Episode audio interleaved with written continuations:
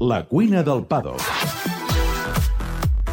Una manera de trobar un nexe d'unió entre Barcelona i Argentina segurament és Carlos Pratola, 56 anys, va formar part de l'organització del darrer Gran Premi de l'Argentina de 1999, després ja en, en aquest segle va entrar a formar part de Dorna el 2001, va mudar-se a viure a Barcelona, primer en el motocross, després en MotoGP, logística i, i el cotxe de seguretat que ha conduït entre 2004 i 2013. Ara forma part de la direcció de cursa, per exemple, és director de cursa de la Rookies Cup.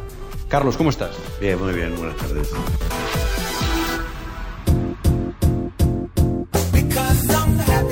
Molta eufòria entre els teus compatriotes per l'arribada de MotoGP a l'Argentina? Sí, porque el MotoGP eh, lo lleva mucha gente mm, con una ansiedad muy grande por los nombres, por lo que representa seguirlas por televisión y hoy tenerlas aquí, casi poder tocar las motos, a la gente le despierta mucha euforia.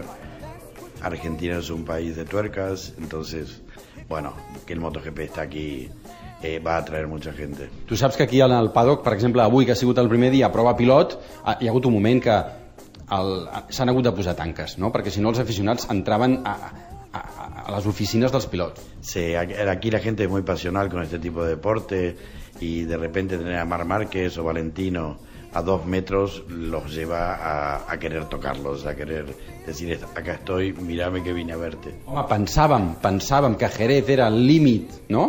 de, de la gent que s'acosta massa en els pilots, però aquí a l'Argentina, déu nhi Sí, sí, aquí la gente cuando viene el rally o hay una categoría nacional que es el turismo carretera, que tiene mucha historia, lo que quiere y lo vive es estar estando cerca de los pilotos. Con el MotoGP se potencia más por los nombres, por lo que pr- representa el MotoGP a nivel mundial, entonces es la oportunidad después de 15 años de poder tener a sus ídolos muy cerca. Tu que, lògicament, coneixes aquest país, coneixes la zona, l'impacte d'arribar aquí la primera vegada és un pèl frapant, no? Jo que vaig arribar per, per Tucumán, la carretera per Tucumán es veu molta pobresa en arribar fins aquí. Sí, eh, a ver, eh, estas provincias del norte de Argentina, a lo mejor a primera vista, se ven como pobres. Tienen su economía que es un poco baja, pero en general este tipo de eventos le aporta muchos recursos y aumenta lo que es la hotelería, la hostelería, entonces bueno, el paisaje a lo mejor no es el mejor, pero ya nos pasaba cuando íbamos a Sudáfrica, así que, o a Estambul, que, que son ciudades también de otros continentes. Escolta'm, aquí que us agraden tant els assados, teniu eh, ara MotoGP, però aquí assados no es poden fer.